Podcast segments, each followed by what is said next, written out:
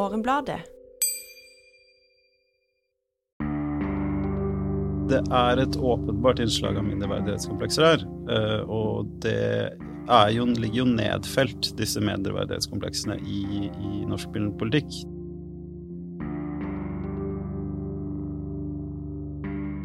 Hei og velkommen til en ny episode av Morgenbladets film- og TV-podkast. Mitt navn er Elise Dybvik, jeg er kulturjournalist i Morgenbladet. Og med meg har jeg filmkritiker Ulrik Eriksen Hei. og film- og TV-kritiker Aksel Kielland. Hallo. Søndag kveld amerikansk tid, natt til mandag norsk tid, er det duka for den 94. Oscar-utdelingen i historien.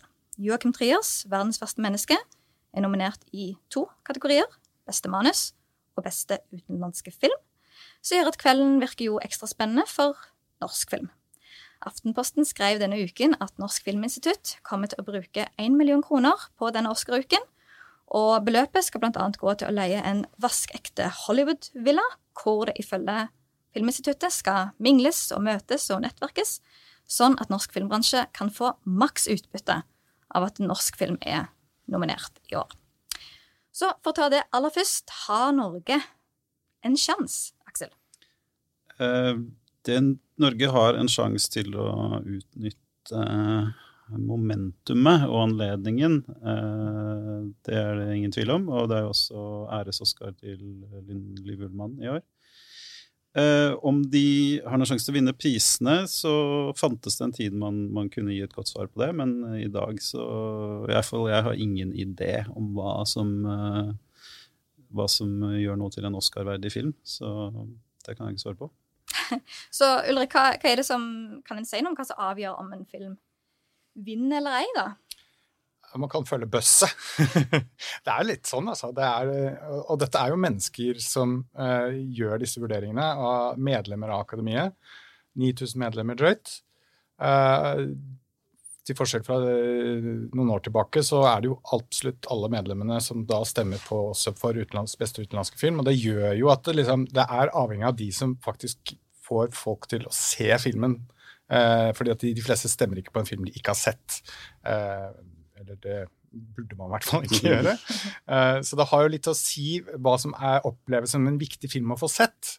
Og hvis du klarer å få medlemmer til å se filmen, så har du i hvert fall kommet et godt stykke på vei.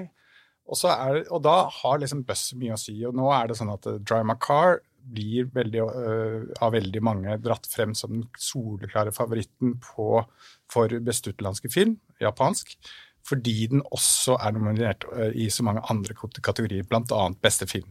Som ikke er så ofte at beste utenlandske film også får plass der. Da. Så uh, Derfor så får den liksom, blir det vurdert som at den har best sjanser. Men den again, den er tre timer lang. veldig få, stille og veldig stille. Så det kan være at liksom, disse medlemmene av Akademiet vurderer en litt lettere og mer tilgjengelig eh, film som eh, mer verdt å stemme på.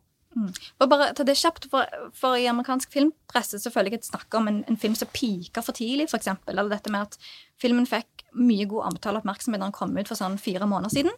Men hvis en ikke klarer å holde på det oppmerksomhetstrykket, så, så minsker òg sjansen for at den har og også hvis, hvis, hvis, filmen skulle greie å bli vikla inn i en eller annen sånn der mediekontrovers, så kan det også sabotere veldig mye. Og det har jo Oscar-utdelingen har vært en sånn magnet for uh, kontroverser de siste årene. Um, men ja, og i tillegg til det, til det med altså, å få den sett, så har det også tradisjonelt vært sånn at hvis en litt sånn stor og innflytelsesrik person i akademiet virkelig liker en film, så vil den personen da begynne å liksom arrangere visninger og liksom lobbyere for den, så kan det ha veldig mye å si. sånn at det er også en del bak liksom, kulissene som, man, som, det er veldig vanskelig å si noe om da, for mm. mennesker som ikke er, i, er der. Og så er det det at den går ok på kino, har også en del å si. Uh, der har verdens verste menneske litt bedre kort enn uh, Drive My Car, fordi Drive My Car har ikke gått spesielt godt på kino i USA, av litt åpenbare grunner, nettopp pga. lengden. Uh, så kommersielt så er jo verdens verste menneske i en bedre posisjon. Det kan være avgjørende, men de er ikke favoritter. Men du har skrevet en lang tekst på Morgenbladet denne uken, Elise. Hva tror du om denne filmen, 'Verdens verste menneske'? Hva mener du, og hva tror du? Eh, jo, jeg eh, tok da for meg 'Verdens verste menneske' og noen sånne innvendinger jeg har hatt mot filmen egentlig siden jeg så den første gang nå eh, og skrev om det på Morgenbladet denne uken. Um, og på en måte så hadde jeg ikke tenkt å skrive noe om uh, hva jeg sjøl syns om filmen. Um, men det er noe påfallende med at etter den kom ut i Cannes, så opplever jeg at den har så godt som fått liksom, eh, liksom Hvis jeg kan se variasjonen i type reaksjoner og behandling og mottakelse, så har den vært påfallende ensidig, da. Og det har liksom slått meg at, at som journalist så jobber en gjerne etter det liksom, prinsippet om at jo mer makt og jo viktigere posisjon et menneske eller en aktør eh, får, jo viktigere blir det liksom å belyse det mennesket eller den aktøren fra mange ulike vinkler. Mens når det gjelder verdens verste menneske, så har liksom hyllesten og måten den har blitt snakka om, vært liksom ganske lik fra, fra dag én.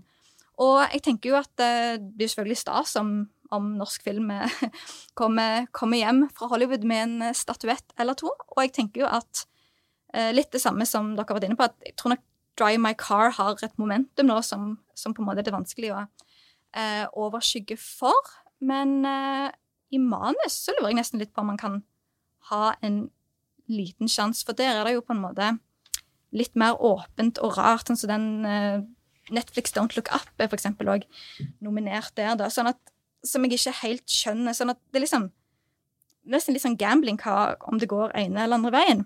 Men der kan man si at der taler det jo mot den at den ikke er en uh, amerikansk film, eller en mm. engelskspråklig film. Uh, selv om den, den, har mange andre uh, Altså, de andre nominerte er Belfast, Don't Look Up, King Richard og, og Licorice Pizza. Så. Og der vil jo kanskje mange se Licorice Pizza er vel den filmen som uh, står aller sterkest der. Men da bare i og med at Ja, nå... men der har du den der potensielt ganske kontroversielle, da, men dette er et kjærlighetsforhold ja. mellom en 15 år gammel gutt og en 27 år gammel kvinne. Det er sant, og et innslag ingen helt klarer å bestemme seg for er rasistisk eller ei. Um, så uten å gå for mye inn på det. Det er mange greier å bestemme det, seg for, greier å bli enig. Ja, men at, eh, at, stemningen i rommet kan være litt mer splitta, på en måte. Uh, men, men, det jeg lurer på, er jo fascinerende med liksom, når han har fulgt liksom, reisen til verdens verste menneske da, fra Cannes og uh, Nå var han jo òg nominert en del BAFTA-priser, altså britiske filmindustrien sitt høyeste uh, Hva skal vi si Utmerkelse. Yes, takk. og da er det jo ikke noe liksom For der tenker jeg jo at på samme måte, men en, en film burde jo at jo høyere den klatrer i filmverdenen, jo mer liksom, motstand og ulike typer liksom, ristinger bør jo den bli utsatt for, da. Men det føler jeg har vært nesten ganske fraværende med denne filmen. Ja, det kan du si. Altså, den fikk jo bl.a. en ganske hard medfart i New Yorker, og den har blitt i hvert fall delt uh, mye på mine sosiale medier. Uh, NRK hadde jo, hadde jo, det som en nyhetssak. Ja, ikke sant? Så, Men var ikke det fordi at det var liksom den, den ene av nesten ingen? sånn at The Guardian har jo vært helt fra seg av begeistring. og for igjen, dette gjelder jo ikke bare Norge, dette er jo òg internasjonal filmpresse som har virkelig likt filmen. Ja, nei eh, Det er jo ikke et uvanlig fenomen. altså at Det er jo en, en, eh, et trendaspekt ved filmkritikk ofte. Uh, altså Liker folk denne filmen? Uh, har jo noe å si. Uh, og så kan man kanskje si at norsk filmkritikk er mer sånn enn den burde være, og kanskje mer sånn enn en land vi skulle ønske vi kunne sammenligne oss med som filmnasjoner. Men jeg, jeg, tror ikke at det er noe sånn Internasjonalt sett så er det ikke noe, noe, noe sånn uh, påfallende med at den har blitt liksom tatt uh, i overkant lett på, eller liksom fått en, en ufortjent mild medfart, eller, eller, hva man skal si. Men, men jeg, jeg, skjønner poenget ditt med at i Norge så har det vært en veldig sånn uh, Nå må vi stå sammen og heie fram den norske filmen. Ja. Uh, og det har jo vært litt sånn idrettsjournalistiske tilstander her, med at uh, nå, nå, nå, nå, er vi alle sammen om å, om å liksom ønske oss denne filmen til topps. Ja, og det er jo et fenomen som, som ikke er unikt med denne versjonen uh, dette året. Altså, det skjer hver gang. Uh, alle de gangene Norge har blitt nominert til Oscar og til andre litt gjeve priser, så, så, så, er det den tendensen som er i Norge, at vi får en sånn sportsjournalistikk journalistisk holdning til det. Det var søndagsenglerfeber også? Ja, det var til og med søndagsenglerfeber. Og jeg husker jo til og med eh, veiviseren. Og jeg skal love deg, altså de panegyriske dagsrevyreportasjene fra Los Angeles i 1987, eller hva det var, det, eh, det setter nok dagens dekning i et litt sånn kritisk altså Da fremstår vår type dekning mye mer kritisk. Da. Ja, men kan den ikke på en måte så, så, så er det mer sånn at dette er liksom typiske tendenser når uh, noe norsk, og da særlig ja, noe film gjør det, liksom, utlandet syns vi gjør det bra, da, at da, da er en bare så begeistra for det? Ja. Eller bør en da tenke sånn Å, kan vi få et bedre klima rundt hvordan vi snakker om film? Det er et åpenbart innslag av mindreverdighetskomplekser her, eh, og det jo, ligger jo nedfelt, disse mindreverdighetskompleksene, i, i norsk filmpolitikk. Da den ble lagt om tidlig i dette århundret, så, så, ble det jo eh, Altså målet på hvorvidt filmene var gode, ble definert som uh, deltakelse på prestisjerunge filmfestivaler og, og, mottak av Eller nominasjon til, til viktige internasjonale filmpriser. Eh, altså, det, det har aldri vært et mål um, I den prosessen med å bygge opp en filmindustri, så har det aldri vært et mål å bygge opp en filmkritikk. Det har aldri vært liksom, pøst penger inn i det for å tenke at den skal kunne liksom, uh, måle seg med, med, den man har i utlandet, eller, uh, eller noe sånt. Sånn at uh, det er jo det jeg håper at, at, at blir, blir, resultatet av dette, er at, at man kan liksom riste av seg noen av de mindreverdighetskompleksene man har for Hollywood, og, og, og tenke at ja, nå er dette mulig, nå er det mulig vi kan, og så må vi liksom begynne å lage våre egne definisjoner av hva som er bra. Vi kan ikke liksom altså Anerkjennelse fra utlandet kan ikke og må ikke være, være målet med det vi driver med. Mm. Og det, For det føler jeg nesten at med verdens verste menneske, liksom, hvordan den har, har ja, klatra eh, i internasjonal filmverden de siste månedene, så er det nesten som en, i hvert fall observert fra Norge, at en får en sånn idé at jo flere priser, jo flere kjente utenlandske filmfolk som sier at filmen er et mesterverk, eh, jo større blir det fraværet av liksom andre måter å se og forstå filmen på. Ja, men når det er sagt, så jeg tror ikke Altså, jeg har hatt flere samtaler med folk om denne filmen enn jeg har hatt om noe, tror jeg, omtrent siden mm. Twin Peaks sesong tre. Eh, og, og, har, og, og sånn samtalene jeg har hatt med folk, har det, har aldri vært noe sånn ensidig begeistring. Det har vært Nei, eh, delt begeistring.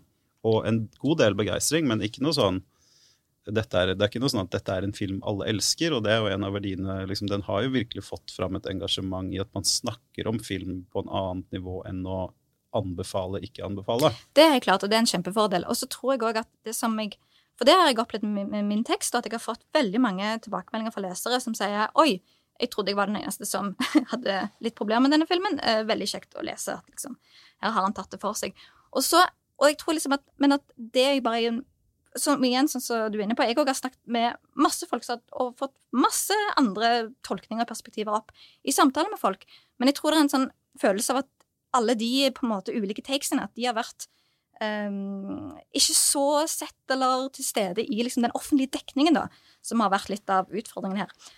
Men så er det noe med det at eh, året Oscar-prisen da betyr eh, alt for Norge. Så kan en jo òg eh, virke som om at eh, dette året Oscar-prisen betyr ikke all verdens for så mange andre. Eller det er kanskje ikke helt sikkert hva Oscar-prisen betyr i det hele tatt. Ulrik, hva funksjon har Oscar-prisen tradisjonelt tatt, for å begynne der? Ja, den har jo vært en reklameplakat for, for Hollywood og, og, dens mennesker og institusjoner og stjerner og, og, filmer. Og det har vært en måte for Hollywood å bygge opp et brand, da. Uh, uh, og en måte for folk å prøve å få et begrep om hva Hollywood er, eller Hollywood vil at Hollywood skal være. Uh, og i utgangspunktet så var det jo en form for ærbødighet her. og det, det preget kanskje kjendiskulturen i større grad eh, generelt. At det var noe litt sånn uangripelig over det. At det, at det ligger jo også i begrepet stjerner. At det er noe som er litt sånn utenfor rekkevidde og har noe evig også, øh, ved seg. Men så er det jo sånn da, at fordi Hollywood øh, har jo også en idé ved seg som er preget av at det, det er det dominerende synet på kulturen, det er det dominerende samfunnsinstitusjonene, så er det også øh, at det er deres synspunkter som kommer frem, så er det jo også veldig overmodent å angripe det. Og det er jo det som har skjedd de siste tiårene. At det stadig er folk som på en måte reagerer på den dominerende kulturen. Og, og, og da blir Hollywood litt svar skyldig. fordi at angrep fra venstre er ikke så lett for Hollywood å forholde seg til, fordi de har en sånn liberal agenda. Eh, de, de, de, er sårbare for den type kritikk. Selv om kanskje publikummet til Oscar eh, det er jo hvermannsen eh, i USA. Altså, De er ikke nødvendigvis så veldig opptatt av dette her. Men, men, men de som på en måte leser Oscar som måte, et samfunnsfenomen, de er opptatt av det, og de kritiserer. Og den eh, kritikken er, blir Oscar veldig fort sårbar for. Så hva kritikk er det det er snakk om? Hva er det kontroversene går i? Det har jo vært sammenhengende siden i hvert fall 2015, da du hadde den Oscar So White-kampanjen, som, som, kom på en reaksjon på at uh, Akademiet kun hadde nominert hvite mennesker til samtlige skuespillerpriser i to år på rad, mener jeg. Ja. Uh, og så fikk du da to år etterpå fikk du denne skandalen med, med Warren Beatty og Faye Dunaway, som utropte feil film til vinner. Og så i de senere år så har du hatt en kritikk som går på at altså Særlig de siste par årene, da, en kritikk som går på at um, at prisen marginaliserer seg selv da, ved, å, ved å velge de små uh, og mellomstore filmer som, som veldig, sånn, i hvert fall i det store bildet veldig få mennesker har sett, og, og gi de gjeveste prisene til de. Og, og, det er jo en slags reaksjon på at Hollywood har Nei, Oscar um, institusjonen har ikke greid å tilpasse seg eh, en verden der eh, underholdningsfranchiser som Marvel, Star Wars, altså merkevaren der, er større enn filmstjerner. Altså det, er mer, det er viktigere for hvorvidt folk går, går, på, går på, kino enn, en hvem som spiller figurene. Eh, og da har de eh, det har vært mye kritikk i år for at ikke Spiderman No Way Home er, eh, er, nominert. Som er helt forståelig, for det er en skikkelig drittfilm. Eh, men det er da regna som en film som kunne engasjere litt uh, unge mennesker, engasjere litt bredt. Liksom, hvorfor ikke bare gi det én av ti nominasjoner? Få Tom Holland og Zendaya på, på, på utdelingen. Uh, men, men, Hollywood vet liksom ikke hvordan de skal håndtere dette um, disse, disse, disse blockbuster-filmene, og dominansen til disse blockbuster-filmene. Eh, og de har da prøvd i år Har det vært noe sånt eh, Det var snakk om liksom årets mest pop, Hva var det? Årets jo, mest populære film? Ja, altså som skulle liksom stemmes på på Twitter. Ja. Som liksom en, som var en gammel idé for fem år siden. Altså, så er det sånn, mm. de, men, men, de er liksom kontinuerlig på, på, på defensiven, da. Og, og, mm. og, og liksom sånn Um, og det skyldes nok i stor grad at de representerer ikke lenger hele Hollywood. Uh, altså de, de, en, de, har, de, har, valgt at de representerer en del av Hollywood. De representerer en del som ikke lager disse blockbusterne, og som ikke lager um, TV. Mm. Og da blir, litt, da blir, det litt, igjen å ta av. Mm. For, for, i USA så er vel òg en problemstilling at uh, TV-sendingen av seremonien at den der mister de seere hvert år, og i fjor så var vel seertallet på sånn ti millioner, noe sånt. Ja. Og det var så lavt at uh, det var litt sånn skrekk og grus-stemning, men så var det jo pandemi, så det var lite filmer å samles om, og det var vanskelig å lage et show fordi pandemi. Uh, men det er jo noe som jeg skjønner her òg er litt utfordringen, fordi når du ikke da nominerer de liksom store, populære filmene som kanskje flere har sett, så er det lite grunn til hvorfor du skal se en utdeling der du ikke har noen um, særlig uh, forkjærlighet for de ulike titlene, og så dette publikum av, og så havner du i en slags skvis, da. Ja, og jeg tror uh, etter fjoråret så, så, tror jeg på en måte dette kan jo bare gå oppover. Så, sånn sett så er årets sending på en måte Det er litt kniven på strupen, men det er også litt sånn Det, det, er, det er, alle muligheter for på en måte få, eh, få en entusiasme tilbake. Og de har gjort noen riktige ting. Liksom. De har tre Eh, programledere som representerer eh, en litt sånn bredde og mangfold. Eh, og som har lyst og som er villig til å stille. Og som er villig til å stille, som har vært en utfordring de siste årene. Kan bare ta hvem det er, for det er da komiker Amy Schumer, og så er det Regina Hall, og så er det Wanda Sykes som ja. skal lede. Mm. Og så har du men, men, det jeg tenker som også er en utfordring nå, er at det ene er at du, på en måte, du har mistet de der blockbuster-elementene. Men så har du også strømmevirkeligheten som på en måte også påvirker dette her. fordi nå er det blant de nominerte filmene som er, som er mest nominert, så er det elleve av dem er rene strømmefilmer, eller som knapt har gått på kino. Eh, Og på en måte så kan du si at ja, men da får jo Det, gir jo egentlig, det er jo egentlig kjempebra, fordi det betyr jo at veldig mange antageligvis kanskje har sett filmene. Eh, I motsetning til tidligere år. Eh, fordi at de har vært tilgjengelige til mye bredere. Da. Men, men, det er et eller annet som forsvinner når du mister liksom, kinoens uh, liksom, glamour og, og, og, og det, den, den, slagkraften som ligger i liksom, store premierer, blir litt borte. Og, det, ja, og liksom, store lanseringskampanjer. Store lanseringskampanjer. Mm. Så du får på en måte det blir ikke den samme pondusen, uh, og det blir, ligner litt mer på, på Emmy, liksom. Og, og den Emmy er det jo ingen som bryr seg så voldsomt om. så hvis en ser på de filmene som er uh, nominerte, hva forteller det om hvor uh, filmen er i dag, da, ifølge, ifølge USA, i hvert fall? Hvis vi skal liste de opp, så er det da Belfast, Koda, Don't Look Up, Drive My Car, Dune, King Richard, Licorice Pizza, Nightmare Alley, The Power of the Dog og West Side Story. Så det beste filmkategorien? Ja. ja. Mm.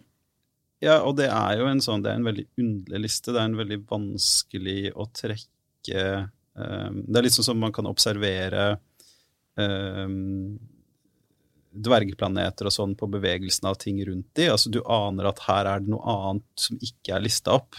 Som, som, som, som, har mye å si uh, for filmkulturen for at disse her skal ende opp på en liste over, uh, uh, over beste filmer. Hva tenker du på da?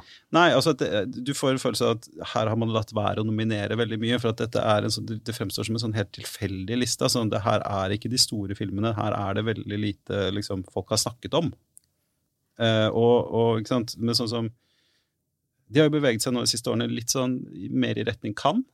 Men samtidig så er det jo ikke liksom den der kompromissløse uh, eh, filmkunstidealet som dominerer kan. Men det er heller ikke den der klassiske Oscar-filmoppskriftene man, man, man, liksom forbinder begrepet Oscar-film. fra sånn For bare ta sånn filmhistorisk, for det er liksom øh, Føler jeg at det finnes en egen kategori som er liksom Oscar-filmen. Um, ja, det pleide å finnes. Ja, ja. men ikke nå lenger, kanskje. Men, men hva var Oscar-filmen, da?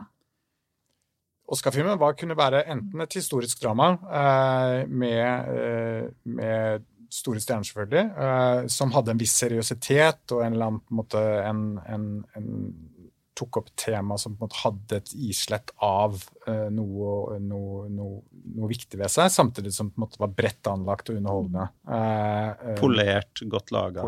Triumph of the human spirit. Ja. Noe episk. eller så hadde du på en måte mer den, den storfilmen. altså den som på en måte gikk på Colosseum. på en måte. Mm. Titanic er kanskje liksom ja. begrepet, men det er også en historisk Den Engelske pasienten, eller liksom ja. noe som uh, Hva skal vi si? men, men føler nesten er lagd for, for, uh, for, en eller annen idé om Mye patos og, og, og mye mye menneskelige verdier i spill. Mm. Mye ukontroversielle menneskelige verdier. Men så har du også liksom den Miramax-filmen, eh, som på en måte er Harvey Weinsteins eh, eh suksessfaktor inn i Oscar-verden. de siste, eller På hele 90-tallet preget store deler av Oscar eh, da. Eh, bare det at Shakespeare in Love at han klarte å få Shakespeare in Love til å vinne så mange priser, som er en film som absolutt ingen har snakket om verken før eller siden. liksom. Uh, det, og det er også et sånt, det er også en type Oscar-film som er på en måte bare skapt av et studio, nærmest. Altså, den hadde ikke noen voldsom entusiasme verken noen steder, men den, måte, den, had, den ble laget en historie om den som en Oscar-film. på en måte. Mm. Eh, og det er også et fenomen. Men det, det er litt dødt. De tingene der er litt døde, alle de tre kategoriene der. Hvis vi skal se på liksom noe som dere føler Oscar er seg sjøl i år, så vil jeg nesten si, men det er kanskje sånn det alltid er, men i skuespillerkategoriene så er det jo eh, innslag av eh, skuespillere som spiller mennesker som har levd, eh, eller vært, eller ekte personer. Sånn så tar beste skuespiller da med Being the Ricardos, som jo er Å, nå står det helt stille. Eh, Lucy, Lucy, Lucy Ball, Ball sin ektemann, som da er portrettert. Og så har du Andrew Garfield, som spiller en ekte musikalkomponist i Tick Tick Boom. Og så er det Will Smith, som spiller faren til uh, disse tennissøstrene i ja, King Richard. Uh, sånn at der, der, føler jeg jo at den er liksom på Og så har du Denzil Washington spiller Macbeth. Der har du liksom ja. en Og så Spencer med Kristen Stewart og Diana. Sånn at uh, ja, og du kan jo også si altså, den er jo ikke det er jo ikke noe sånn historisk anomali, får du følelsen av, når du ser beste utenlandske film heller.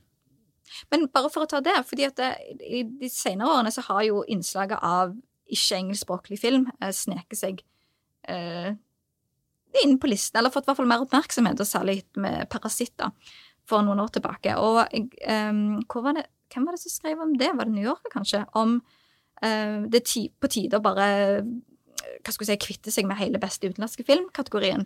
Fordi du får ofte tilfeller mer og mer at uh, filmer som er nominert til beste utenlandske film, òg blir nominert som beste film. Ja, og, men der er jo der vi kommer inn på denne liksom, identitetsforvirringen. Da, for at det, er Oscar som et markedsføringstiltak som ikke vet hva det markedsfører lenger. Altså, fordi det er ikke Når man begynner å, å, å gi ut priser til filmer til Sør-Korea og Frankrike og sånn, så, så, handler det jo ikke om Hollywood lenger. Og, og den forventningen før som, som, som, var når man liksom anerkjente utenlandske filmer, enten via nominasjoner eller, eller, priser, så var det jo en sånn Det lå jo litt mellom kortene at uh, det de ville, var å komme til Hollywood og bli en del av det maskineriet. Hollywood har alltid tiltrukket filmskapere fra andre land, men nå har liksom det forsvunnet også. Det er ikke noe, altså Bong Joon-hos neste film er en sørkoreansk animasjonsfilm, så vidt jeg leste meg til. Sånn at eh, eh, Før så kunne du på en måte liksom hedre utenlandske filmer og likevel markedsføre Hollywood, og det gjør man ikke lenger. Og så blir da, sitter man da med inntrykk av at grunnen til at de tar inn flere og flere av disse utenlandske filmene, er at Hollywood selv ikke lager de nok av det Oscar tradisjonelt har sett etter. Ja, og så er det også det at akademiet har ønsket å bli et mer internasjonalt uh, akademi. Altså, de har invitert uh, i mye større grad enn tidligere eh, medlemmer fra uh, altså internasjonale medlemmer. Så nå består akademiet i mye større grad av filmarbeidere over hele verden. Og det gjør også noe med hvordan nominasjonene speiler seg, og hvilke sjanser de har. Altså det at f.eks. Uh, 'Parasitt' vant beste film for to år siden, som første beste utenlandske film. eh, også i var, altså klarte da å vinne i beste film. Det, har, det, speiler også noe av den endringen av hvordan akademiet er sammensatt. da, mm. eh, Som var en ganske utenkelig eh, greie. Selv om det er en utmerket film, så ville det vært litt utenkelig for 20 år siden. Mm. Så, men så hva betyr det å vinne en Oscar i det hele tatt i dag, da, hvis det betyr noe som helst? Eller er ingen helt enige om hva Altså, Det er jo fint for den som vinner. Eh, det vil det jo alltid være, og, og, særlig for utenlandske filmer. Altså, Oscar er jo fortsatt den mest glamorøse og liksom prestisjetunge filmprisen. Det er den mest berømte filmprisen i verden. Det er jo ingen andre, fortsatt ingen andre som kan lage uh, prisutdelingsseremonier, sånn som amerikanerne kan.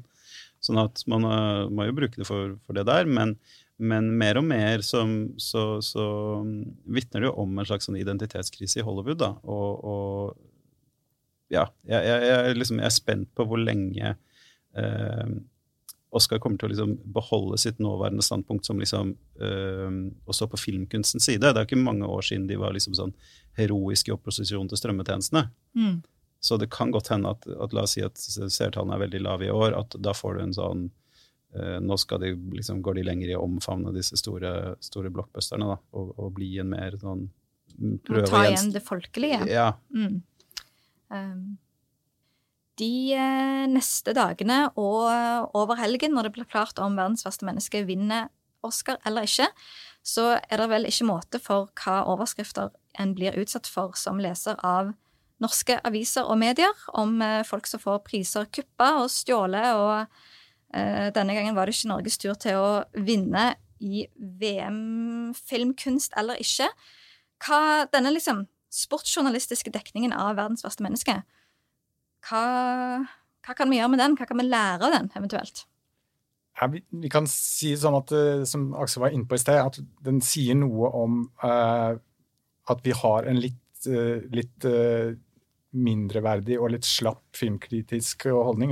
Et, et filmoffentlig rom som er litt snevert, og, og, i hvert fall ikke klarer å konkurrere med liksom, idrettsverdens enorme liksom, kapabilitet innenfor dette her. Så vi så det er veldig fort gjort at vi på en måte tar inn over oss idrettssjargongen eh, i mangel av et språk for å diskutere det, og i mangel av offentlig rom å diskutere det i. Altså Man kan bruke sosiale medier, selvfølgelig, men vi, men vi mangler kanskje liksom, eh, både stemmer og steder eh, å, snakke om filmkunst på eh, på en annen måte enn gjennom idrett. Ja, jeg, har egentlig tenkt gjennom dette at, at vi skal være glad til liksom, For at endelig så er det kulturens skyld. altså Endelig så, så sitter eller, endelig er det kulturens uh, tid. Uh, altså Endelig så sitter NRK med live-oppdateringer fra, fra, kunngjøringen av nominasjonen og sånn. Men så, så, er det jo da, som du også påpeker, en god anledning nå for å la være å, å, bli idrettsjournalistikk. Altså, altså holde på noen prinsipper om kritisk tenkning og kritisk dekning. Uh, og ikke tenke at det å, å, å, snakke kritisk om en film uh, er å liksom ødelegge den eller liksom være slem med den eller noe sånt. Altså, det er et, det er et Ødelegge sjansene. Ja, mm. altså liksom at vi må være gode patrioter og liksom snakke pent til, til, til, dek, til prisen er utdelt. Uh, det er en sånn modenhet vi nå bør gripe, gripe anledningen til å utvikle det. Veldig bra. Nei, for det har jeg tenkt òg, at liksom uh, en eh, Det er bare masse å tjene på opplyste, gode samtaler om film, ikke, ikke omvendt. Så da um, beveger vi oss over til anbefalinger, tenker jeg. Um, Ulrik, hva vil du trekke fram i dag?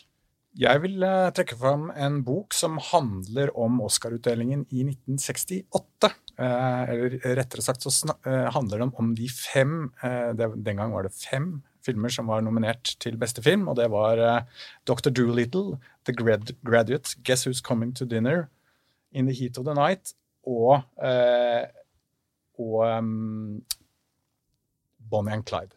Så det var et merkelig utvalg. Eh, mhm. enda merkeligere kanskje enn årets eh, nominasjoner. Men sier, de sier noe om måte, et skifte i tidsånd, eh, som de filmene representerer på hvert sin måte. Og denne boken, eh, 'Pictures at the Revolution', går igjennom alle fem filmene og på en måte bruker det som et eh, eksempler på hvordan Hollywood sto i et tidsskille. Mark Harris? Mark Harris. Ja. Cool. Aksel? Jeg skal anbefale to filmvisninger. Uh, Cinemateket i Oslo er fortsatt stengt, men det er ikke Kunstnernes hus. Og der vises uh, Joanna Hawks uh, The Souvenir 1 og 2 nå den lørdag 26. og onsdag 30. mars. Souvenir 1 er en av de beste filmene som kom ut i 2019. Og Souvenir 2 er da liksom hovedpersonens forsøk på å bearbeide hendelsene der. vel verdt å se. Eh, jeg har sett eh, begge to etter hverandre på en sånn visning. Det var veldig, veldig gøy. Eh, jeg vil da trekke fram podkasten Dead Eyes, som bare jeg har hørt noe på i det siste. og Veldig underholdende. Handler om, eller av og med en komiker og skuespiller som heter Connor Ratliff, som i 2001 fikk sparken fra en bitte, bitte liten rolle i en HBO-TV-serie. Og det var Tom Hanks som kom med den beslutningen, og han fikk høre at Tom Hanks mente han hadde dead eyes så handler podkasten om at uh, han i nåtid prøver å finne ut hva, hva var det egentlig som gjorde at jeg ikke fikk denne rollen i denne HBO-serien. Kunne livet mitt vært annerledes? Hva vil det si å lykkes eller uh, mislykkes i uh, showbusiness-verdenen? Og mange ulike intervjuer og stemmer fra film- og TV-verden som er innom og snakker om sine erfaringer. Veldig, veldig underholdende. Så det var da podkasten Dead Eyes. Så det var det vi hadde denne uken. Eh, gå gjerne inn på morgenbladet.no for å lese mer om film og TV. Til helgen så kommer òg Aksels eh, Oscar-kommentar, eller kommentar om Oscar-utdelingen der. Eh, der kan du òg lese min tekst om verdens verste menneske. Og Ulrik han har anmeldt 'Alle hater Johan', som kommer på, eller er på norsk kino nå fra fredag av. Så, og der kan du òg tegne abonnement på avisen som alltid. Så tusen takk for at du hørte på, og så høres vi neste uke.